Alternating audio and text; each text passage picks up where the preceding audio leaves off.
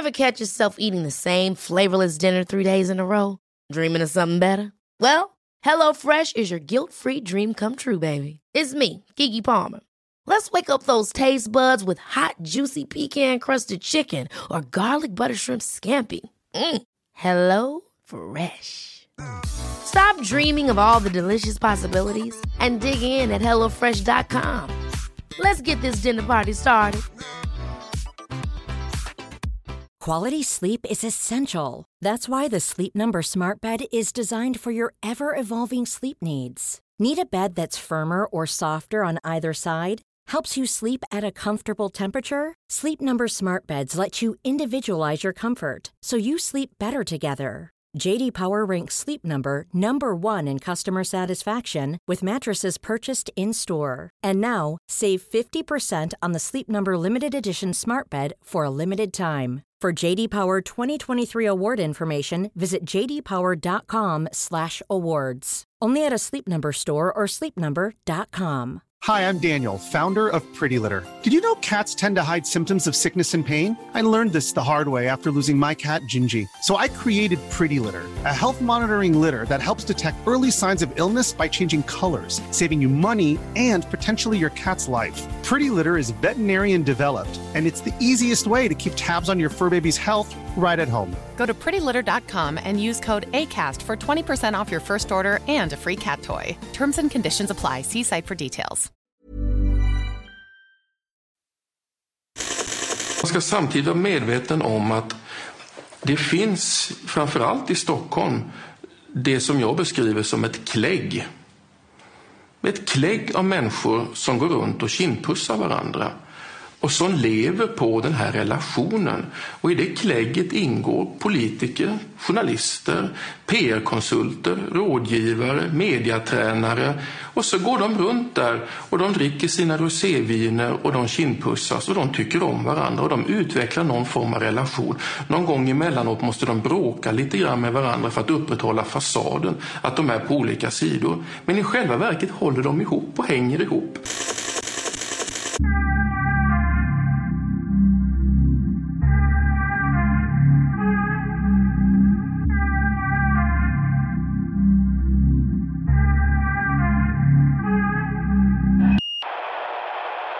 Här är din plats, här är din kaffe. Nu eh, kommer jag inte ihåg om du får äta sådana här bullar för din fru. Nej. Jag har läst någonstans, eller lyssnat på någonstans att det var att det det hade lite fikaförbud. Det är lite fikaförbud nu, så jag kommer i kläderna bättre. Och sen så trä- träffade du precis Mustafa utanför, eh, tog fram den här boken, Silldiplomati. Jag tycker det är trevligt när vi drar igång direkt. Eller hur? Det är effektivt. Ja. Du sa att det inte är så mycket om sill utan berättelsen om Sverige. Alltså, jag har ju skrivit en bok som heter Silldiplomati. Och det, bakgrunden är att redan när jag var ambassadör på Island så började jag använda sill för att marknadsföra Sverige. Eh, knyta kontakter. Eh, och sen tog jag med mig det till Sydafrika. Världens första masterclass i sillinläggning i Sydafrika arrangerade jag med kockar och så. Och så insåg jag att ja, men berättelsen om oss som människor är ofta berättelsen om vår mat. Farmors mat, farfars mat, mammas och pappas. Vad äter vi vid högtider? Det är väldigt mycket berättelsen om dig och mig. Ja. Och då tänkte jag, det här måste jag göra en bok om. Och nu har jag gjort det. Som eh, flykting så är det ju samma sak, att man har ju traditioner, matlagningar som går i arv. Och även om man har bytt land och stad så har man ändå traditioner, farmors mat, och så som man älskar att äta. Det är samma sak här. Ja, men så är det ju naturligtvis. Och många av oss känner oss rotlösa och eh, vi vet inte riktigt var vi är. Vi kanske har flyttat från någon liten by i Sverige eller vi kanske har flyttat ifrån ett annat land. Vi har kommit till en storstad, en urban miljö. Vad är traditionerna här? Och mycket av det som har gått i generationer tas ifrån oss eller rycks ifrån oss. Och, och, och sillen är en sån berättelse. Den har gått hos oss i generationer men är på väg bort. Den är på väg bort ur havet därför den utfiskas. Den utrotas i havet just nu när vi pratar. Och den är lite grann på väg bort också från middagsbordet därför den yngre generationen tar inte upp den på samma sätt. Gör de Och- inte? Ja, det, inte riktigt på samma sätt som min generation. T- Tänker du på jul och midsommar? Och... Alltså, sillen är ju den, man skulle säga den enda maträtt som vi har vid alla våra högtider. Påsken, Midsommar, julen. Det är ju ingen som äter griljerad skinka på midsommarafton oavsett om man är kristen eller inte. Va? Det är väldigt få som sätter upp en stor skål med jordgubbar på julbordet. Men sillen är i alla sammanhangen. Så den håller fortfarande mm. ihop våra högtider. Men jag är inte säker på att den gör det i nästa generation. Och, så det här är också en gåva till, till mina två söner som nu är i vuxen ålder. Eh, den ena äter inte sill, men hans, hans hustru gör det. Eller flickvän. Och eh, hon och jag lägger in sill tillsammans. Och de bor i Linköping, så därför har jag skapat en Östergötlandssill. Östgötlandssill, ja, det är bra. Med kindagurka. Mm. Med god krispig, så det blir en somrig sill med, med, med kindagurka. Ah. För jag ska locka honom att göra den. Men vad är hans eh, förklaring till att han inte gillar sill? Är det en protest mot pappan eller? Jag, jag tror han protesterar. Om, om han protesterar mot pappa så väljer han mer raffinerade sätt än att bara låta bli att äta sill. Mm. Nej, jag, jag, tror att i den generationen, 25-30 eh, år, så är inte det den är inte riktigt hemma sillen. Va? Eh, däremot så hoppas jag och tror att den här sushivågen vi har haft ganska länge eh, kommer att hjälpa sillen. Därför många säger att sill är ju rå fisk. Nej, nej, nej, sushi är rått. Och sushi äter du ju, rå ju tillagad. Sill är väl svensk ceviche typ? Precis. Precis. Och, och, det jag tycker jag gör ju som så att när jag har viktiga möten i Sydafrika och när jag hade viktiga möten i Island. Då tog inte jag dem på en fin restaurang. Utan då ställde vi oss och la in sill istället. Mm. Eh, så då hade jag dukat upp alla ingredienserna. Och så frågade jag då sekreteraren och assistenten hur många timmar har vi? Har vi en timme eller har vi två timmar eller vad har vi? Och så ja, vi har bara en timme. Ja, då lägger vi in sill i 15 minuter, pratar 30 minuter, äter 15 minuter. Och sen säger ni får ta med er burken hem och sen tänk så god den kommer bli om två, tre dagar när den är redan nu så här god. Och så fick de välja de ingredienserna de tycker om att lägga in. Alltså ni la in den tillsammans? Vi la in den fem minuter sill. Vi la in det, vi börjar mötet. Jag gör det fortfarande. Vi lägger in, ministern kommer till mig, förväntas att sitta nere i den fina pampiga matsalen, att en kock ska komma och servera mat. Mm. Vi går en trappa upp till min privata bostad istället. Och så där står allting framdukat som behövs för sillinläggning. Jag lägger vi in sill och sen har jag kokt potatis, ägg och lite rågbröd. Och sen när mötet har en kvart kvar, då äter vi. Och då säger de att nu har vi lagat mat tillsammans. Ja, du har flyttat in i mitt hjärta. Och sen under tiden kan jag prata om våra mattraditioner. Men att gå på en fin restaurang, det gör de varje dag. Mm. Men ofta står de och lägger in lite sill tillsammans med en ambassadör och äter. Men du, Håkan, du har ju sagt att du inte är så bra på det här med sociala. Mm, och... Det är faktiskt sant. Men hur då? Det här är ju väldigt socialt. Och... Det kanske är som så att jag tar det på, på jobbet då. Och att jag privat inte är speciellt social. Så är du en drägg, alltså privat? Är du jätteotrevlig? Och... Nej, det är jag inte. Men jag har ingenting emot att inte behöva vara med någon. Jag sitter väldigt gärna och läser en bok, eller lyssnar på musik, eller tittar på tv eller en film eller sover. Så jag, jag, har, jag har inte, min, min hustru är mycket mer social. Det är hon som drar med mig i alla olika event. och Nu ska vi till dem, nu ska vi hälsa på där och nu bjuder vi hem dem. Och jag bara... Ja, så, så följer man med på det. Men det är ju alltid trevligt. När du men, väl är där? Ja, men, absolut. Men jag är ju inte den som... Och nu ser jag verkligen fram emot att efter att ha hållit igång hela dagarna få fortsätta en fyra, fem timmar på kvällen också. Gud vad jag är team Håkan på den. Jag, jag, jag, älskar att bara vara hemma och så tackar jag nej till rätt mycket. Och jättemånga tror att jag är sur på dem. Ja, vad fan, du pratar ju knappt med oss längre. Men du, det, det, jag är så. Ingen frågar mig någonting. jo, ja. Asken, det går inte att få tag på dig. nej, men om jag är ledig så är jag ledig. Då stänger jag av allting. det är dålig täckning där du bor. Mobilnätet. Det är faktiskt ner. dålig täckning där jag bor. Mm. Fast Mustafa hör av sig numera till mig ja. för att jag ska kontakta dig. Vi har ju ett problem för att Asken är vår producent. Ja, ni måste komma i kontakt med Vi honom. måste komma i kontakt med honom med viktiga saker. Men eh, senaste tiden har det varit väldigt svårt. Nej, men det, jag, jag, tror vi alla har olika... Jag skulle aldrig någonsin vilja vara ensam påtvingat. Men jag vill väldigt gärna välja ensamheten om jag kan göra det.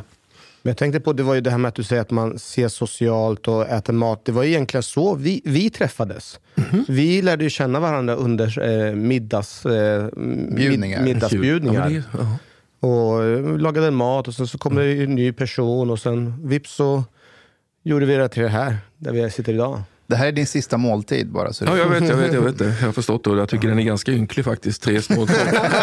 Tre, jag föreställer mig, man läser ju så här sista måltiden i amerikanska fängelserna. dödsdömda? Jag skulle ju aldrig tagit in de här tre torra bullarna. Det är en sak som är helt klart. Håkan, de här kommer från fabrik. Det är en Ja. fin café här i det räcker Stockholm. inte. Jag skulle ändå inte ha valt det. som, som min sista måltid. Jag hade förväntat mig när dukat upp här med kalkon och... Men det, är liksom- så, det, det lite tidigt på morgonen tyckte vi, för att du, du kunde ju inte senare på dagen. Så vi, hade vi spelat in vid nio tiden så hade det varit ett dignande matbord. Hade det. Ja, det hade det. Okej. Vi brukar oftast eh, gå och äta efteråt. Ja, ja, det är bra. Men vi lider ju också av eh, tidspress, så det har väl också blivit att vi har skippat några middagar och bara ses här. Och sen, Jag tycker ambitionsnivån för att kalla det måltid är låg. jag vill vara väldigt tydlig på den punkten. Har du sett räntorna Håkan? Jag, jag har sett ränteläget, jag har sett inflationen, jag har Ja. sett prisutvecklingen. Så jag förstår att, att, att tre unga män som er, när ni bjuder till sista måltiden, då blir det fyra. eh, Det är, det är två bullar som är delade.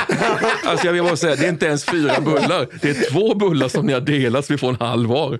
Men jag vill ändå säga att det kommer inte från Ica eller Coop, Nej, det kommer nej. från fin. Ja, ja, ja, men, jo, jo. Du kan få min halva. Nej, men jag ska ju inte ens ha något. Jag åt ju frukost precis för jag misstänkte att det blir nog inte speciellt mycket här. Så jag trycker i mig en stor frukost. Men jag, tänk, jag tänkte också på det där du säger att, mm, att du inte är så mycket social. Att, jag tänker också att om man har ett yrke där man är väldigt mycket, träffar mycket människor, så blir det väl kanske så att sen på privata så orkar man inte träffa. Jag tror att det är så, och det har varit så hela mitt liv. Eh, Det handlar ju väldigt mycket om att ge. Man ger av sig själv. Eh, Oavsett när jag tidigare var politiker eller riksdagsledamot eller partiledare eller ambassadör. Allting handlar ju om att försöka presentera sig på det bästa sätt man kan och få det att tycka, om- tycka gilla mig vara intresserad av mig. Och jag har ju levt det livet i, i 40 år. Och då då är det väldigt svårt att köra det också på kvällarna faktiskt hela tiden. Så jag har ju mina närmaste vänner. Jag träffade min närmaste vän igår kväll. Vi satt bara åt. Vi var tysta väldigt mycket men bara närheten med honom betyder väldigt mycket för mig. Så eh, Har din relation till nära och kära tagit stryk av det? ja, det har det gjort. Jag, jag, eh, jag, jag är vänfast och jag är vänlojal. Men att vi fortfarande är vänner bygger, beror mer på dem, dem än på mig. De har vårdat vänskapen bättre än vad jag har gjort. Människor som grannar i Oskarshamn som jag älskar, men som när flyttat ifrån varandra. Det är de som ser till att, att vi håller ihop fortfarande. Det är inte jag. Så jag Du, du har en självinsikt som är väldigt stark, har jag hört, eller har jag märkt när jag, när jag läser om dig och hör dig. Ja, jag, det finns väl ingen anledning egentligen. Jag har fyllt 60 nu och jag har alltid haft svårt för det här att förställa sig. Eh, Och Jag tror att det är svårt att spela olika roller. Vad är jag i det här sammanhanget och vad är jag i det här sammanhanget och vem är jag när jag träffar dem? Det blir mycket enklare om du är faktiskt samma person hela tiden. För de man möter ändras hela tiden och ska man då försöka ha en roll i alla olika sammanhang, det blir kortslutning på det. Så jag, jag försöker vara mig själv. Men att vara diplomat, ingår inte i det att vara lite olika med olika människor? Jo, det är det ju. Men, men det, är, det är ju delvis en teater. Ehm, mycket kindpussande. Men det handlar ju också om att bygga förtroenden. Och där väljer jag ju ut de som jag tror är viktigast för Sverige att ha nära kontakt med. Inte för att jag och Håkan gillar dem, utan Sverige har nytta av att vi har bra relationer med dessa, dessa, dessa. Och då investerar jag i dem. Och då får de äta min sill, även om jag själv privat inte skulle umgås med dem. Men då spelar jag den rollen, för jag företräder ju Sverige. Så det är inte, mitt, det är inte mina vänskapsband jag bygger där, utan det är Sveriges. Men går det inte ändå emot, när du, om du, om du, du var ju partiledare en gång Mm. i tiden, måste inte man göra både och? För att kunna gynna sin karriär och sina, sin position och ha allierade. Måste jag, jag, var ju... för dålig för det. jag var för dålig på det. Jag har, inte, jag har aldrig lagt den tiden på att bygga de sociala nätverken. Jag har inte hunnit det, jag har inte orkat det, jag har inte prioriterat det. Så, och det är kanske också en av förklaringarna till att jag inte klarade mig på toppen så länge. Därför det fanns många andra som önskade det uppdraget och de hade i årtionden byggt sina lojalitetsband. Suttit i bastun och tagit en öl och varit på samma fester och så. Jag var aldrig det gänget. Håkan, är det en fel beskrivning om man skulle säga att du blev vald som partiledare på grund av att alla an- de andra falangerna inte kunde komma överens och Ja. kunde få sin, Ja. eh, sina kandidater? Det är riktigt. Det är riktigt. De kunde inte komma överens och sedan var, uppfattades de som maktens representanter. De var väldigt nära förknippade med det katastrofval Socialdemokraterna gjorde 2010. Och jag hade åkt runt i landet som biträdande partisekreterare och mycket annat och pratat med gräsrotsnivå Och eh, där fanns det då ett stöd för mig. För de, ja, men den här killen är ju fräsch, honom gillar vi. Det går ju en myt om att du högg Mona Sahlin i ryggen, Mm. gjorde att hon avgick. Stä- Jag vet att du har sagt att det inte stämmer. Nej, det stämmer inte. Jag tyckte inte Mona Sahlin var en bra partiledare. Eh, Men eh, Varför? nej, jag tyckte att socialdemokratin eh, tappade fokus. Gick vilse under den tiden. Eh, vilket också väljarna sa när man inte får med 30 procent som man fick i det valet. Vi vet inte riktigt vad ni står för. Och eh, det var inte Mona, jag har känt Mona jättelänge. En fantastiskt duktig människa på alla sätt och vis. Men politiken gick vilse under hennes tid. Och jag minns att jag några veckor innan det valet 2010, jag bodde i Västertorp och fortfarande i Västertorp, hade vi någon gårdsfest med grannarna. De visste ju att jag var politiskt aktiv, men vi pratade inte så mycket politik. Men då i alla fall så frågade jag dem, vad tror ni, jag har ingen aning om vad de röstar på, vad tror ni blir skillnaden om eh, Socialdemokraterna vinner det här valet istället för borgarna, eller Alliansen? Och tyst. Tyst, tyst. Och sen till slut var det någon som sa, ja, skatten går väl upp. De kunde inte om de så ansträngde sig. Och de, var- de, de, var mina vänner, vänliga människor till mig. Så de sa inte så för att provocera mig.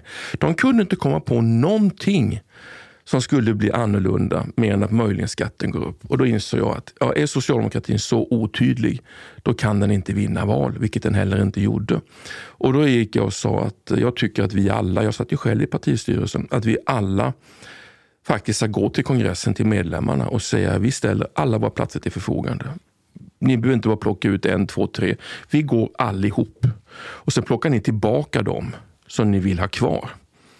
Eh, och då fick jag en fråga, gäller det också Mona Sahlin? Ja, annars är det ju inte alla, sa jag. Så man kan ju inte bara säga den, den och den är undantagen, utan vi går alla. Håkan Juholt, Mona, alla. Och så får de lyfta in dem och säga, men de här vill vi ha kvar. Och då blev det ju en debatt om att jag ville avsätta Mona Sahlin. Jag ville att vi alla skulle ta konsekvenserna av att vi hade kört socialdemokratin i diket. Om du hade haft den här festen idag och ställt samma fråga, vad tror du de hade svarat Då då? svaret blir ganska exakt detsamma. Du tror det? Kan inte det ha att göra lite grann med att alla partier är väldigt lik varandra? Det Man- skiljer de sig inte åt. Det, alla, alla partier är angelägna om att triang- triangulera varandra. Ja, just det. Eh, Om någon har en väldigt bra idé som man märker att det där tycker nog folk om. Då är de andra partierna väldigt snabba på att ta upp samma idé. Jag tror att framgångskonceptet för alla partier ligger i att vara unika. Eh, och Det är också därför det går så bra för Sverigedemokraterna. Därför att alla partier säger att de är väldigt annorlunda mot oss. Och de själva säger vi är väldigt annorlunda mot alla andra. Så det enda parti som särskiljer sig idag är ju Sverigedemokraterna och det belönas i opinionen. Jag tror att medborgarna vill stödja någon som man uppfattar är unik. Inte nödvändigtvis någon som är främlingsfientlig, utan någon som står för någonting som de andra inte står för. Och det tror jag många medborgare har svårt att se bland partierna idag. Men när du valdes, jag kommer ihåg att jag tittade på ditt eh, installationstal. Mm, det var ett bra tal. Jag vet, var, du var otroligt tydlig. Alltså det, var, det här var 2011. Jag minns att jag tänkte, fan jag förstår vad han säger. Mm, ja, Det tycker jag är en bra utgångspunkt för en politiker. Ja, och du vet, nu vill jag liksom jämföra med några personer här och tar inte det liksom personligt så, men när jag lyssnar på Bernie Sanders, då fattar jag vad han säger. Men när jag lyssnar på Donald Trump, ja okej, ibland så han säger emot sig själv ganska ofta, men han är väldigt rakt på. Så är du, är du Sveriges Bernie Sanders? Det vet jag inte, men jag tror att politikens mest komplicerade delar måste kunna diskuteras med medborgarna på ett sätt så att vi alla är jämlikar. Det finns väldigt många som säger men politik är så svårt så jag kan inte engagera mig i det. Det är mycket, mycket svårare att lära sig cykla. Så fort någon säger att politik är komplicerat, det är svårt, då är det ett sätt att tala om att låt mig sköta det här. Lägger inte i det här. finns inget enklare än politik, därför det bygger på värderingar. Det är mycket, mycket svårare att vara undersköterska, mycket, mycket svårare att vara radioproducent, mycket, mycket svårare, vad du nu än är för yrkesroll, än att faktiskt uttrycka sina egna värderingar, för de har du ju i dig. Så jag kan inte se någonting enklare av allt än att vara politiker. Därför det är heller inget yrke. Utan det är ju ett uppdrag. Du uttrycker precis det jag känner. Nu röstar jag på dig. Poff, nu är du politiker. Så det ligger, ju, det ligger ju i sakens natur att det är det du har i dig som formar dig som politiker. Alltså inga... Och, och sedan, om man säger ja, men ska de inte vara väldigt duktiga? Man säger så här. Om man går ut på stan och frågar vem tycker ni ska bestämma över det svenska försvaret? En fyrstjärnig general eller en eh, byggnadsarbetare? Ja, men det måste ju vara generalen va? Nej, generalen kan ju vara nazist eller fascist. Men byggnadsarbetaren är en liberal val därför att det är en humanist. Så Äh, politiken har ju inte med expertkunskapen att göra. Vem ska bestämma över sjukhusen? Ska det vara, ska det vara kirurgen, hjärnkirurgen? Eller ska det vara en invandrarkvinna som är sjukvårdspolitisk talesperson för Liberalerna? det ska vara kvinnan naturligtvis, för hon företräder ju värderingarna. Men vi har kommit i ett läge där vi tror att politik är en expertkunskap. Det är det inte, det är värderingar. Mm, för min fundering är att ibland kan man ha väldigt fina värderingar och de kan vara väldigt ambitiösa, mm. men sen kan de inte mötas i verkligheten och praktikiteten. Absolut. Och jag tänker också lite grann där vi befinner oss idag. Mm. Det, kanske inte, det kanske inte är en sanning för dig, men jag tänker att det är, en, det är en ambition av fina, höga värderingar, att man vill åstadkomma väldigt bra för mm. Sverige. Men eh, vi har hamnat där vi har hamnat. Och det, det är en konflikt mellan fina värderingar men också eh, realism och verklighet. Det, det, är det som så fint kallas implementering. Så den andra delen av politiken är ju att du anställer proffs som kan genomföra värderingarna. Eh, tjänstemän, läkare, piloter eller vad det nu än är för någonting.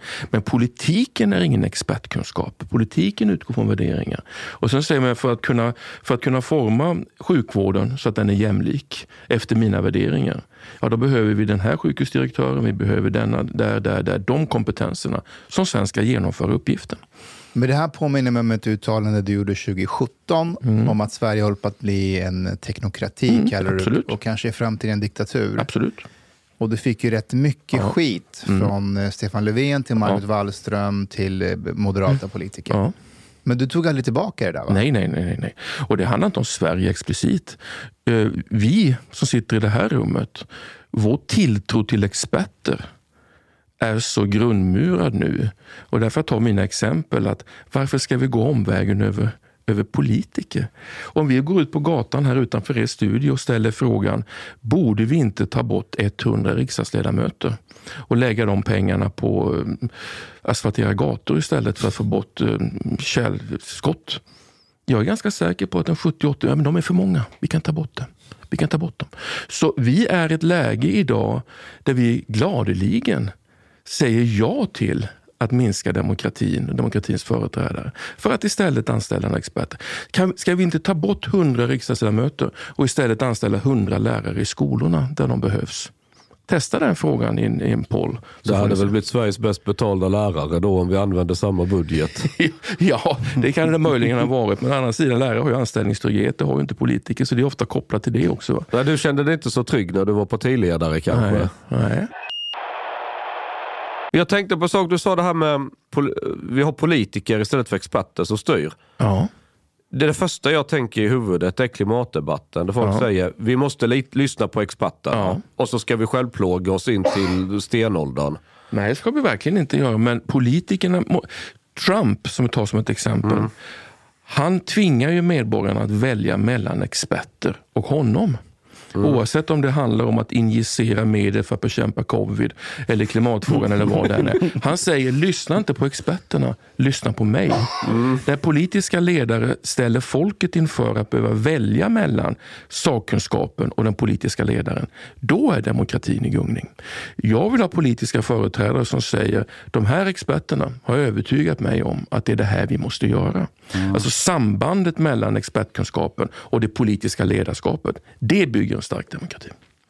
Kan, kan du ge några exempel på hur det där ser ut i Sverige? Att experterna tagit över politiken. Äh, varför det ska bli en teknokrati och diktatur så småningom.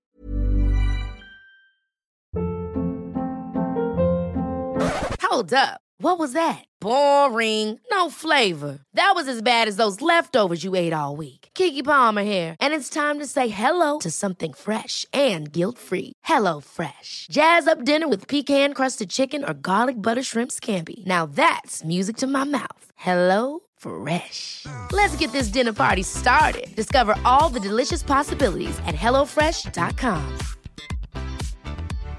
Hi, I'm Daniel, founder of Pretty Litter. Cats and cat owners deserve better than any old fashioned litter. That's why I teamed up with scientists and veterinarians to create Pretty Litter. Its innovative crystal formula has superior odor control and weighs up to 80% less than clay litter. Pretty Litter even monitors health by changing colors to help detect early signs of potential illness. It's the world's smartest kitty litter. Go to prettylitter.com and use code ACAST for 20% off your first order and a free cat toy. Terms and conditions apply. See site for details. Eh, jag är inte säker på att det blir en diktatur. Jag säger bara att den formen av demokrati som vi har haft, som bygger på att vi i det här rummet, vi går till föreningsmöten, vi går till fackmöten, vi engagerar oss i ett politiskt parti, vi sitter och skriver motioner till stämmor och kongresser, eh, vi går på styrelsemöten på tisdagar, medlemsmöten på torsdagar. Det håller på att tunnas ut så att allt färre, färre, färre engagerar sig i politiska partier. Och att, att rösta valhandlingen har ju faktiskt två delar. Rätten att få rösta, men också skyldigheten att låta andra rösta på dig. För om ingen står där och låter sig röstas på, vad har vi för användning av rätten att rösta då? Så politiken bygger på att man både är med och att man väljer eh, sina företrädare. I de allra flesta, väldigt många svenska kommuner idag så finns det ju inte tillräckligt med politiker i kommunerna. Därför har man ju minskat fullmäktigeförsamlingarna Ja, ganska stort. Därför att allt färre vill låta sig väljas. Vi har fortfarande rätten att rösta, men vi har allt färre som känner skyldigheten att låta sig röstas på. Vad, vad tror du det beror på? Att färre vill ställa upp i politiken? Eh, Vi har det väldigt bra. Eh, Vi har ett väldigt individualiserat samhälle. Vår relation med framtiden bygger mindre på det gemensamma kollektiva. Bygger mer på min egen resa, min egen investering. Har jag köpt en fastighet? Har jag investerat i bitcoin? Har jag gjort detta, detta? De här kollektiva projekten, att hela samhället ska lyftas, de blir färre. Och medborgarna engagerar sig inte så mycket. där. Jag har en annan fundering. Har inte det att göra med att det finns en viss form av politikerförakt? Ja, men det gör det också överallt. Men det gör det i alla länder. Det är inte större här än i något annat land. Nej, men eh, en stor del av liksom arbetet med att välja, det handlar ju om att välja rätt person som har rätt värderingar. Men jag blev, ju, jag blev ju mörkrädd och jag läste bland annat den här boken av eh, Daniel och, eh, som handlar om ditt, eh, ditt eh, partiledarskap. Vad heter boken? Partiledaren som kom in I värmen? i kylan. I kylan. Kliv ut i kylan. Ja, så var det kanske. och, och det, jag, jag känner ju samma sak. Om jag känner någon form av förakt mot politiker och liksom att man har liksom ett spel så vart det ju än värre när jag läste den boken. Ja, men Sverige har bland de allra bästa politiker i hela världen. Vi är, politikerna är inte korrupta. Politikerna är pålästa. Eh, De allra flesta är tillgängliga.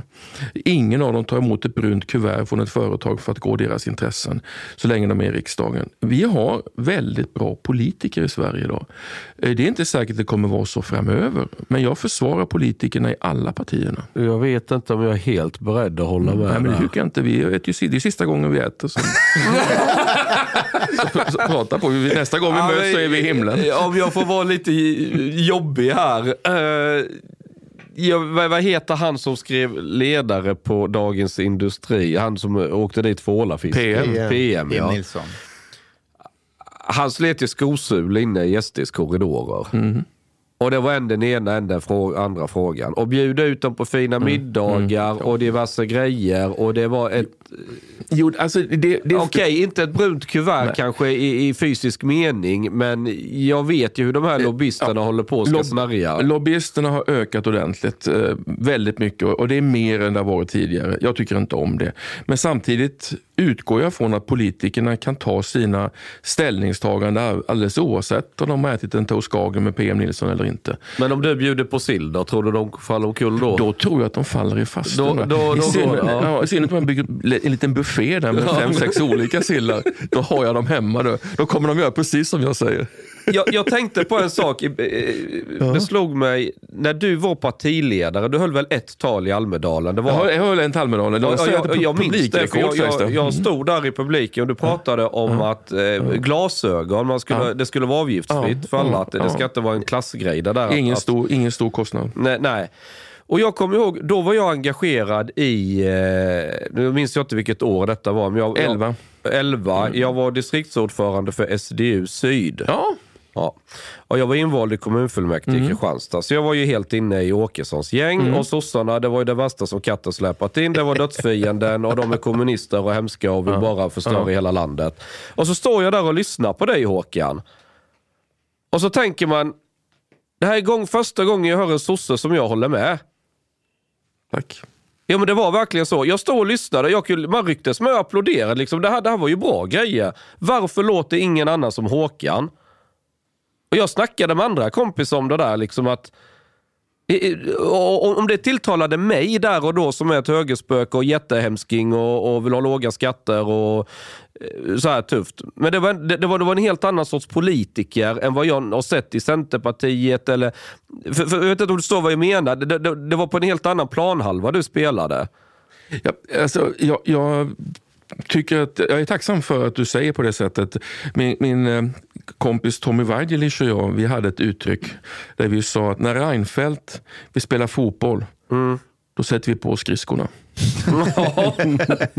alltså vi ska inte spela på den planen, utan vi skapar en egen plan. Ja, jo.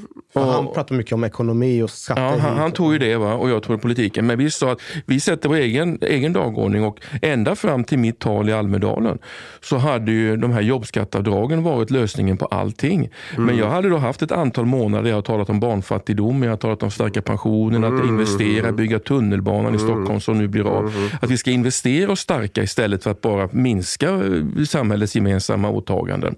Dagen innan jag går upp i talarstolen har Anders Borg en presskonferens där han säger vi drar tillbaka femte jobbskattavdraget, vi har inte råd med det. Då hade vi och sa till Tommy, nu är skridskorna på, nu har vi satt dagordningen.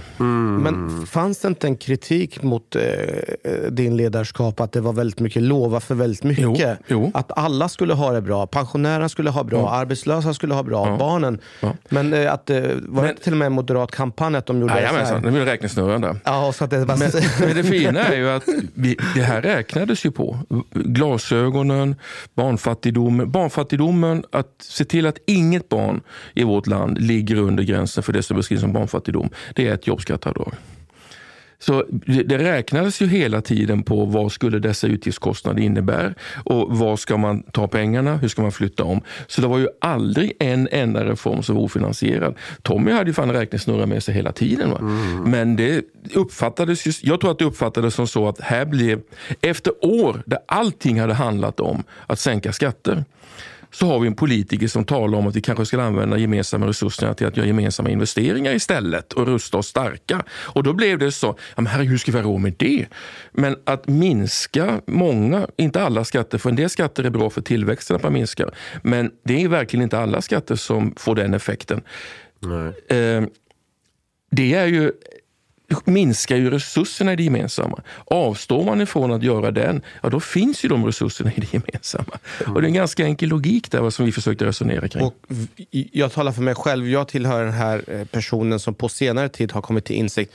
Fan vad jag betalar mycket skatt. Så jag blir liksom allmänt allergisk när man pratar om eh, mer resurser till alla och så. För jag tänker att det är mycket slöseri. Mycket pengar Ja, går till... Men jag, jag, jag tror att det du reagerar på det är det som kallas service delivery. Eh, vi tycker att det är för långa köer när vi kommer in till akutmottagningen. Bussen kommer inte i tid. Det är kaos i SL-trafiken eller vad det nu än är för någonting. Va? Och då står vi där, knyter näven och säger, men fan jag betalar ju skatt. Va? Så jag tror att du har helt rätt. Det kommer komma en skattekritik om demokratin inte kan leverera den service som vi förväntar oss att få när vi betalar på skatt. Och nu har vi ju, liksom, om vi tittar på den, liksom hur samhället ser ut. Vi har ju typ inom polisen har vi jättestora bekymmer med kriminaliteten har dragit iväg. Sjukvården, lärare, skolan, allting. Socialtjänsten. Det är ju liksom problem överallt. Så då, då, då tänker man, vad heter den här, eh, den här Scania-killen? Vad fan får jag för mina Leif pengar? Östling. Ja, ja, vi är ett av världens absolut främsta välfärdsländer. Eh, ingen av oss behöver fundera på, kommer mina barn om de vill kunna studera på universitet? Det är ytterst få länder i världen där föräldrarna kan vara lugna inför det.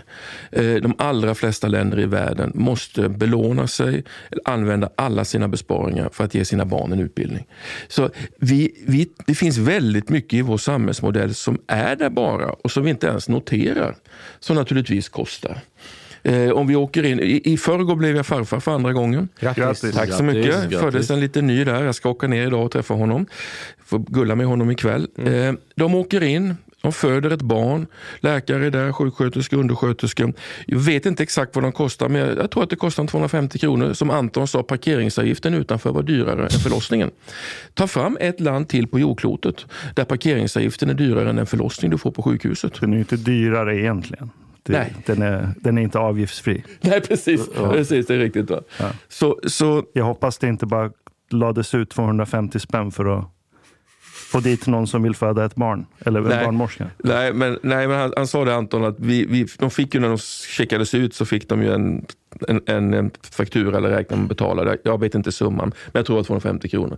Och så hade bilen stått över där för de kom in så tidigt. Och han insåg att den parkeringsavgiften var mer eller mindre samma.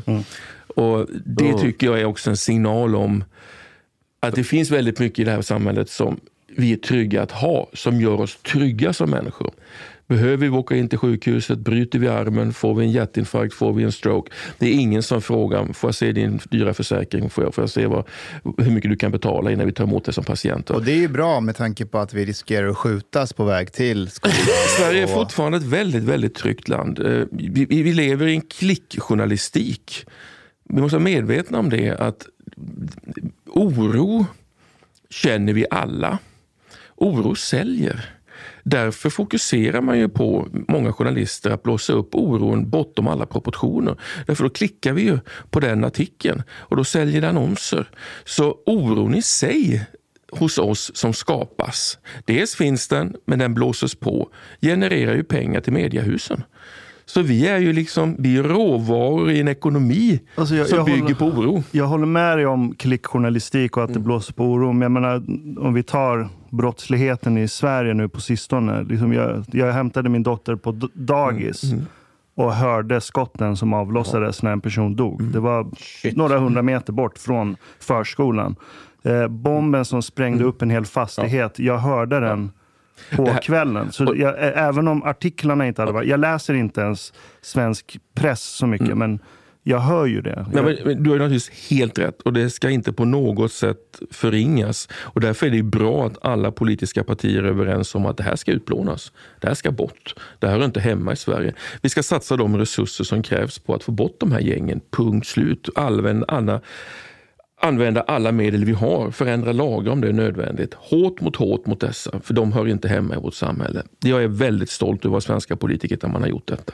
Men fortfarande så de allra, allra, allra flesta av oss, 99,99 procent säkert, kan gå och handla i sin kvartersbutik, köpa mjölk och ost, cykla därifrån utan att behöva ont i magen och känna oro.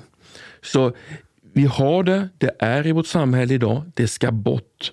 Men låt oss inte pressas in i ett hörn där du och jag och alla andra ständigt går omkring och är oroliga att bli skjutna. Därför då kommer vi krympa som människor. Då kommer vår frihet kringskäras oerhört mycket. Och det ska vi inte låta det göra. Är det inte så redan? Jag vet unga tjejer, när jag växte upp, då var liksom Folkets park, man åkte raggarbil. Jag drev Folkets park i Oskarshamn. Ja, men, men det, det, var ett, det var ett helt annat samhälle som jag minns det. Och man- är hårdare idag. Ja, alltså när man kom till Folkets park, man åkte i någon gammal jänkebil, den var varken besiktad eller skattad och det var ingen som brydde sig. Och så kommer man dit och det är dans, nästan som lite logdans, om ni vet vad det är. Att det, är liksom, det är lite utomhus. Så är, ni dunk i bilen också va? En plastdunk med Ja, vodka. så det, det, det var alltid obligatoriskt. Men det intressanta när man kom dit, det var att det var alla generationer. Helt rätt. Det var, det, var, det var de som var, folk hade till och med med sig småungarna i barnvagn. Ja. Och så gick de hem kanske vid nio tiden innan de, de st- värsta fyllehundarna hade kommit igång.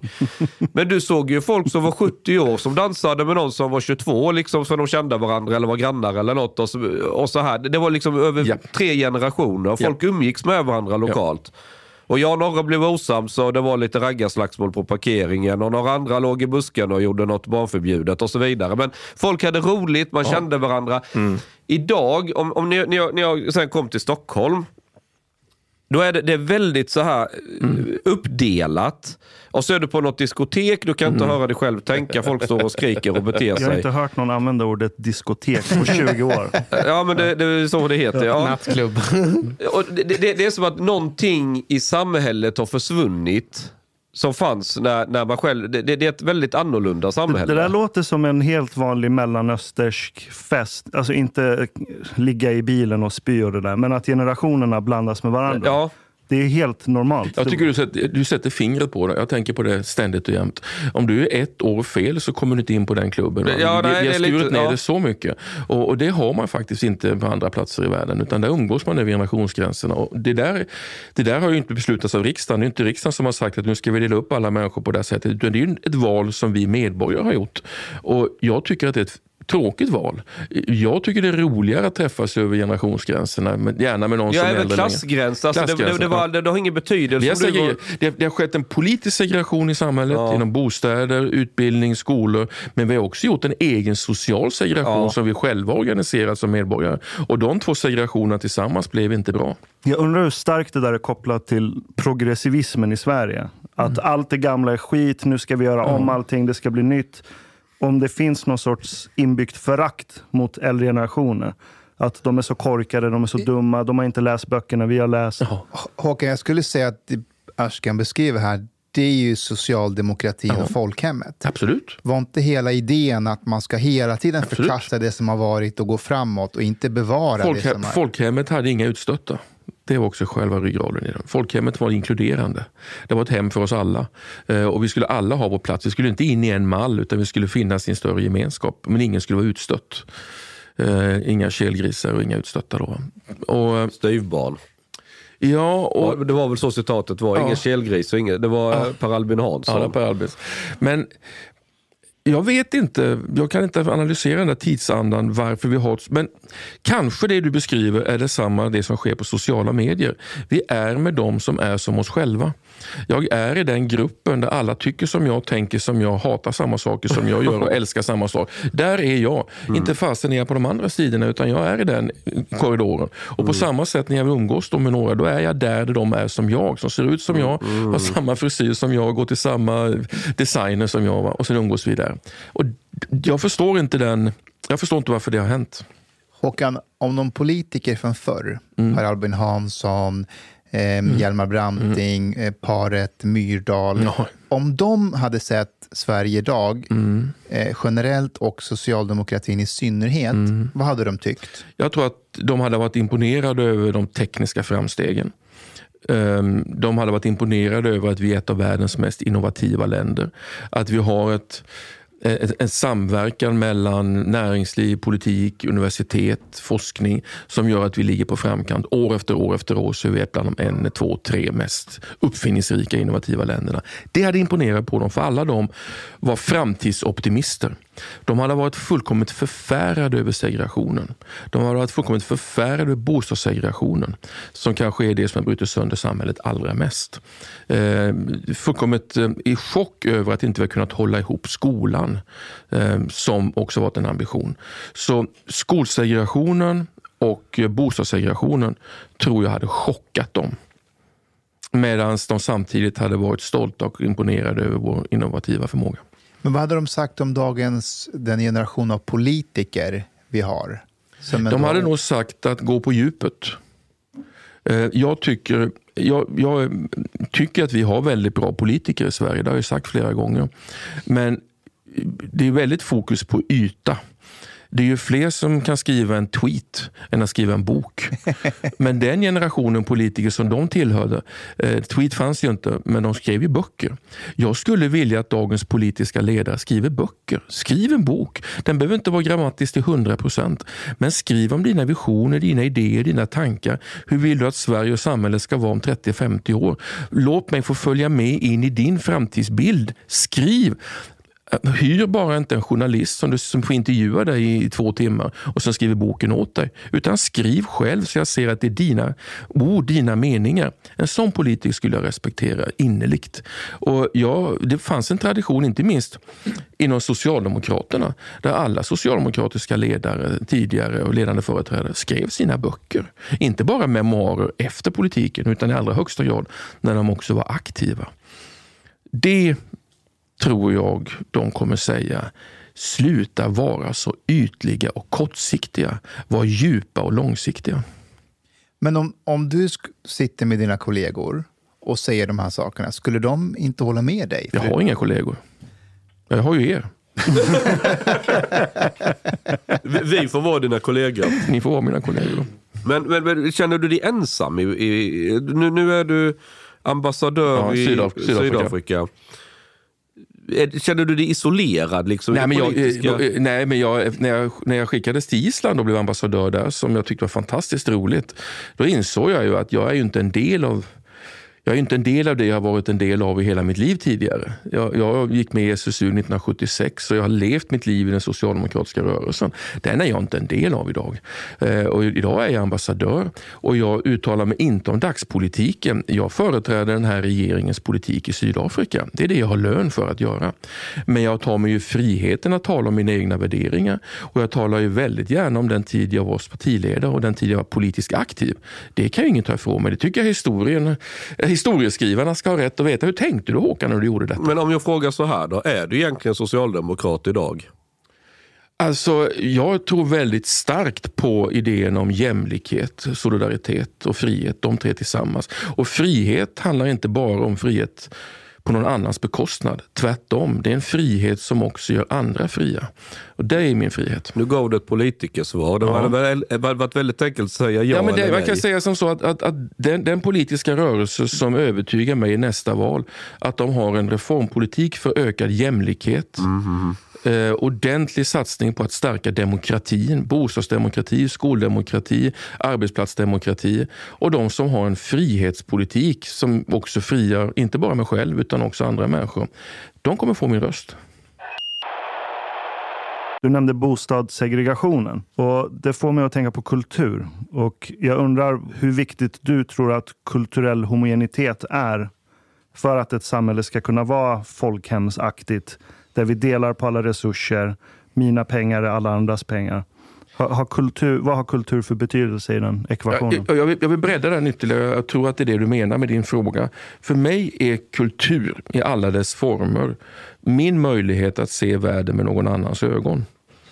Om det innebär, om det innebär traditioner eller om det innebär konstnärligt skapande.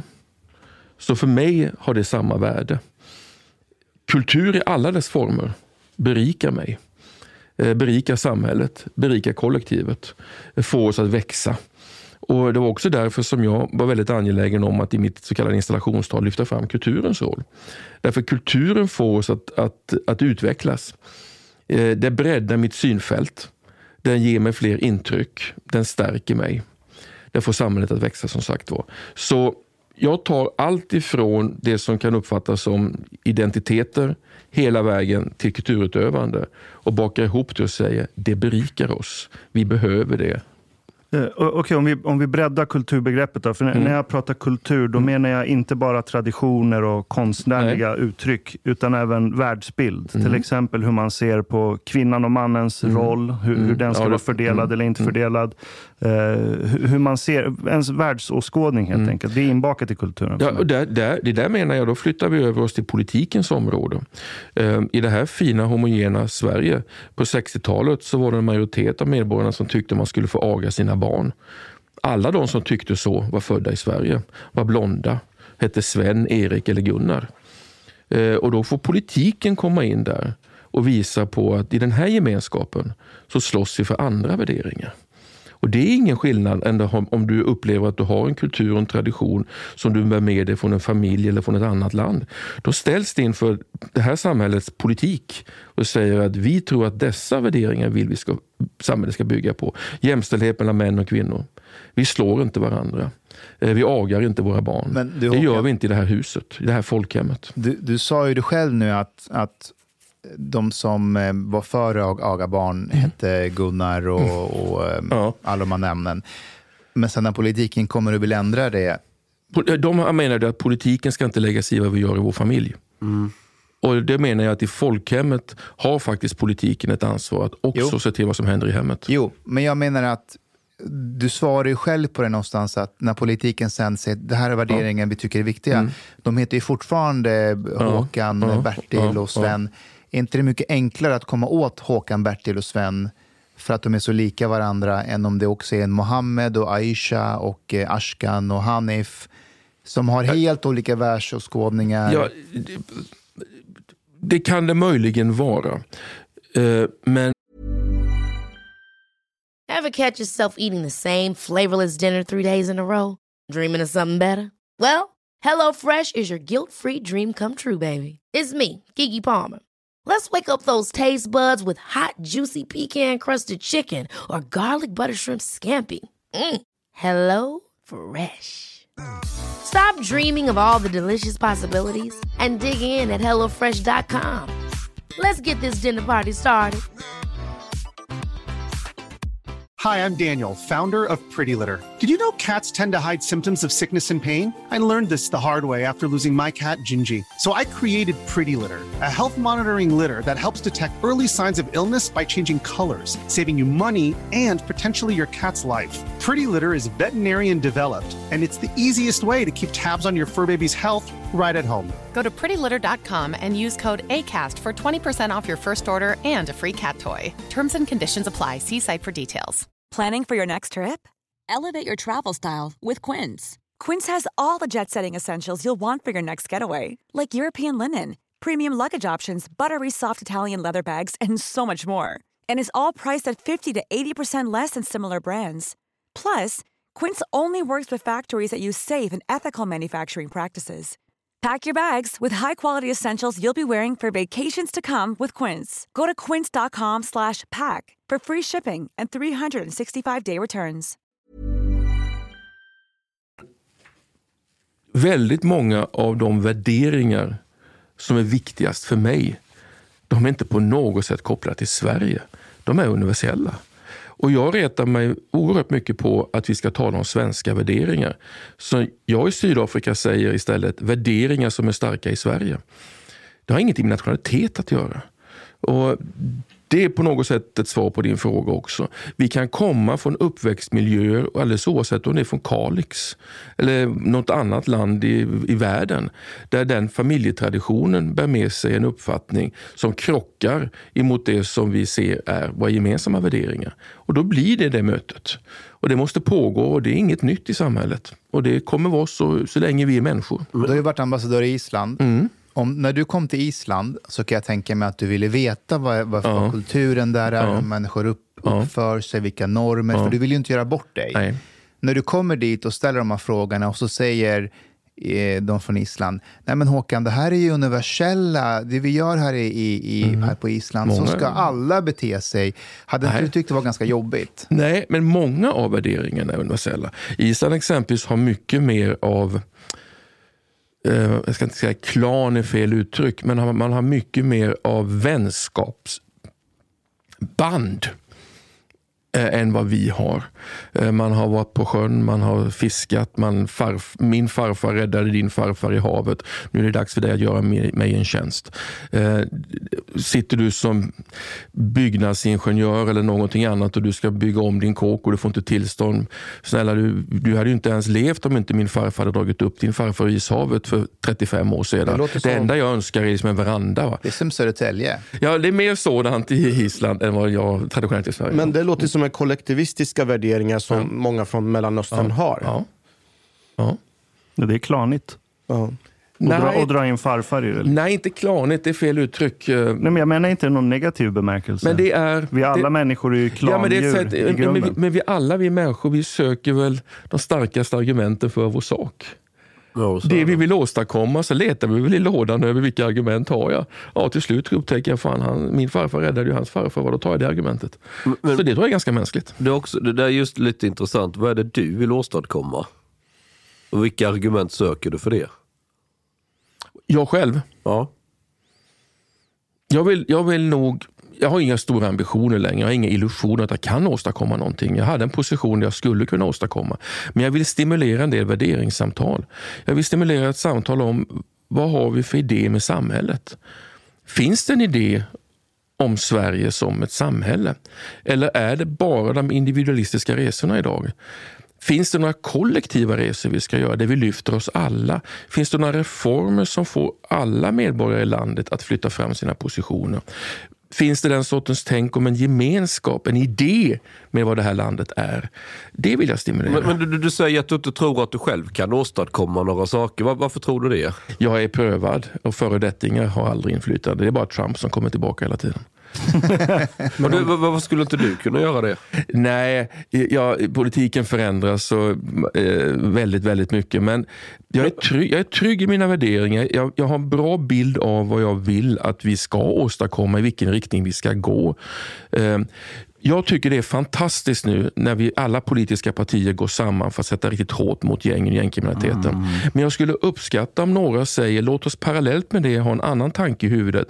Vi kör en reform med tusen fritidsgårdar och ungdomsgårdar. Och så finansierar vi dessa båda projekt samtidigt. Alltså, vad, vad, är, vad ska vi vara om 20 år?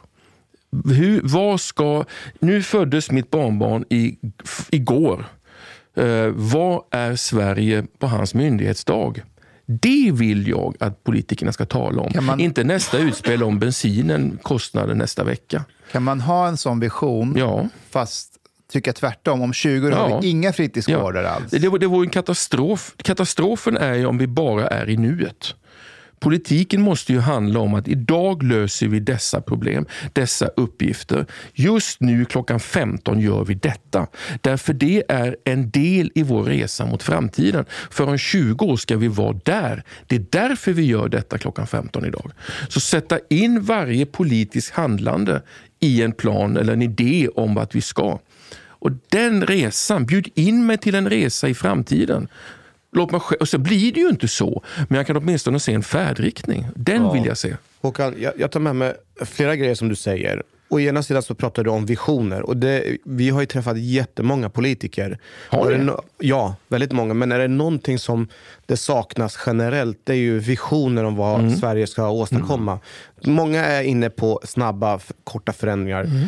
Men där vi befinner oss i Sverige just nu, det är liksom väldigt mycket kris just nu kopplat till gängkonflikten. Och i den allmänna debatten hamnar väldigt mycket vad, hur hamnade vi här? Och då backar vi tillbaka bandet och då kommer väldigt mycket kritik just mot Socialdemokraterna om att man har fina värderingar men man, de, man gjorde inte tillräckligt. Och många visste om en massa problem. Det, det stämmer naturligtvis. Det stämmer naturligtvis fullkomligt. Eh, att det har gjorts för lite och det har gjorts fel saker. Självklart, självrannsakan är A och O. Eh, det, det vore ju fullkomligt förfärligt om vi levde i ett land där politiker är felfria. Eller ännu värre om politikerna trodde att de var felfria. Jag vill inte leva i ett sånt land. Jag vill ha politiker som säger det där gjorde vi dåligt. Eh, Det vi beslut jag själv var med och tog för åtta år sedan fick de här konsekvenserna. Det var fel. Eh, Det kan handla om privatiseringar, det kan handla om utförsäljningar, det kan handla om vad det än är. Backa bandet och säg jag var själv i rummet när vi gjorde det här. Jag ser nu resultatet. Det blev, mina drivkrafter för att göra det var de här. Men det blev inte så som jag hade tänkt mig. Nu måste vi ändra om kursen. Det saknar jag hos politiker Ja. idag. De, tar, de, pratar, de säger att vi tittar, låt oss hellre titta framåt än vara självkritiska och se vad vi gjorde för fel. Det går inte, för för jag som, som farfar, jag önskar politiker självkritiska. Och Tage Danielsson sa ju, utan tvivel är man inte klok. Ehm, sj- Självsäkra politiker som säger vi har lösningar på allting ger mig ingen som helst förtroende. Utan jag vill höra en politiker som säger den här frågan kan vi nog hantera på flera olika sätt. Det där är ett sätt, skulle kunna gå, men jag tror att jag väljer det här sättet istället. Men man skulle också kunna göra så. Sätt in mig i ett resonemang om de olika vägar som finns. Så får jag själv reflektera och inse att du är en reflekterande människa. Du läser inte bara upp någonting som en talskrivare har skrivit. Varför tror du politiker inte har den förmågan? Därför att vi har ett medieklimat också som inte tillåter tveksamhet, som inte tillåter att man säger att man har fel. Utan eh, det är en felfrihetskultur eh, som råder idag. Felfrihetskultur. Ja. Du har ju själv arbetat som journalist. Ja, Och- och- 17 år. Ja. Från tiden du arbetade Mm. som journalist, har du sett någon förändring i hur det ser ut? Hur mediedebatten pågår och, och hur journalistiken ser ut? Alltså, vi ska vara glada för att vi har bra journalistik generellt sett. Men det är alldeles för få journalister som kan arbeta under vettiga förhållanden. Göra grävande reportage, analysera saker över tid. Och alldeles för många ska ha 20 minuter på sig att, att skriva ihop någonting som ska ge klick. Jag tror vi har gått ifrån papperstidningen som kunde produceras i ett annat tempo. Där tidningen ligger på köksbordet. Du och jag bläddrar i den. Vi, får sam- vi hittar en artikel som vi tycker är jätteintressant, men samtidigt läser vi de andra också. Och så får vi med oss det på köpet. Idag klickar vi bara på det som vi är intresserade av, vilket innebär att vi väljer bort helheten. Om man ens läser hela Om artikeln. man, Man, läser, ja. läser bara rubriken Ja, ja. kanske. Och det, det är ju, den resan har ju journalistiken gjort då. Och det har ju lett fram till att allting ska etchas väldigt, väldigt mycket. Så det som tidigare var en löpsedel, det är ju idag själva artikeln. Och den resan är ganska dramatisk. Är, är det bra eller dåligt? Nej, det, nej, det, det, är, det är ytligt och fördummande. Ytligt och fördummande. Mm, Vad, vad, vad skulle du, om du nu var diktator över Sverige, i folkhemmet Sverige, vad, vad skulle du tvinga folk att nu måste ni förkovra er mer i litteratur och... och Jag, jag, tror, jag tror inte att, den är, att piskan fungerar när det gäller att få någon att läsa. Men jag skulle tycka det var viktigt med en otroligt stor satsning på föreningslivet. Mm-hmm. Jättestor satsning på föreningslivet. Eh, stor satsning på folkhögskolor, folkbildning. Eh, vux- vi kallade det när jag var politiskt aktiv det livslånga lärandet. Man säger att kunskap är ungefär som mjölk. Va? Det är en färskvara. Det du lär dig när du är 21, 22, 23 år, det är borta kanske när du är 27, 28. Så att hela tiden kunna fylla på. Inte bara det som arbetsgivaren fyller på, utan samhället som sådant fyller på. Och sen en stor satsning på medier. När vi pratar om folkskola, så där. Mm. där har ju regeringen valt att göra tvärtom. Har du hängt med i den debatten? Man har ju skurit ner på eh, stöd just till eh, folkbildning och univers- eh, folkhögskola och liknande. Med argument av att det är eh, väldigt mycket av de här pengarna som går till vi vet inte ens vart de går till. I, I värsta fall så går de ju till olika typer av verksamhet som har bedrivit en icke-sund eh, verksamhet. Det har ju varit islamistiska verksamhet och häng, har hängt med i den debatten. Nej, det har jag faktiskt missat helt. Eh, Så det hade jag, inte, det hade jag inte koll på. Men generellt sett så tror jag att varje investering i utbildning eh, som har kvalitet lyfter landet kollektivt och berikar. Och var den utbildningen sen ligger, om det är grundskola, universitet, gymnasier, komvux, vuxenutbildning, folkhögskolor, studieförbund. Var än den insatsen sker så är det min grundinställning att det stärker det kollektiva och det stärker demokratin. Men om vi tittar på liksom bara, eh, om vi tittar på över världen och tar land för land hur mycket man har valt att satsa just på utbildning så skiljer sig Sverige från mängden. Vi ligger ju bland topp på eh, de länder som satsar enormt mycket resurser. Oavsett hur mycket vi än eh, satsar så ser ju samhället ut som den gör. Och när du säger till exempel också att vi borde satsa mer på fritidsgårdar och sådär. Kritiken inom mig säger att eh, nu har Håkan varit eh, ambassadör väldigt länge och inte hängt med i den senaste tiden. Har han inte hängt med i debatten där vi har avfärdat liksom, eh, fritidsgårdar? För det är någonting som vi har gjort tidigare och visat sig att det är inte förebyggande. Men, men är det verkligen någon runt det här bordet som tror att ungdomsgården, fritidsgården i Kolberga och Oskarshamn är orsaken till gängkriminaliteten? Jag In- inte i de det. orterna, kanske. Nej, nej. Men man kan, då får man väl se till att det är kvalitetssäkrat. Det är ungefär som att säga att det är skolans fel, eh, grundskolans fel, att man inte blir eh, ingenjör eller uppfinnare. Det, det handlar ju om att lyfta, ly, att lyfta medborgarna, att ge medborgarna ett sammanhang, en gemenskap. Jag upplever det som att det finns alldeles för få mötesplatser. Det finns gallerior, det finns McDonalds och de allra flesta, eller någon café där du får ge 50 spänn för en kanelbulle. Det är liksom samhällets mötesplatser idag. Men var möts vi egentligen i det gemensamma? På internet, Håkan. På internet. Ja, Alltså- men det finns också ett väldigt stort värde att sitta ner så här och se varandra i ögonen Men skratta. Håkan, om, som du sa innan, det är inte så att alltså, medborgarna har valt det här. Man, Ja, men man, sam, samtidigt har ju samhället valt bort dessa mötesplatser.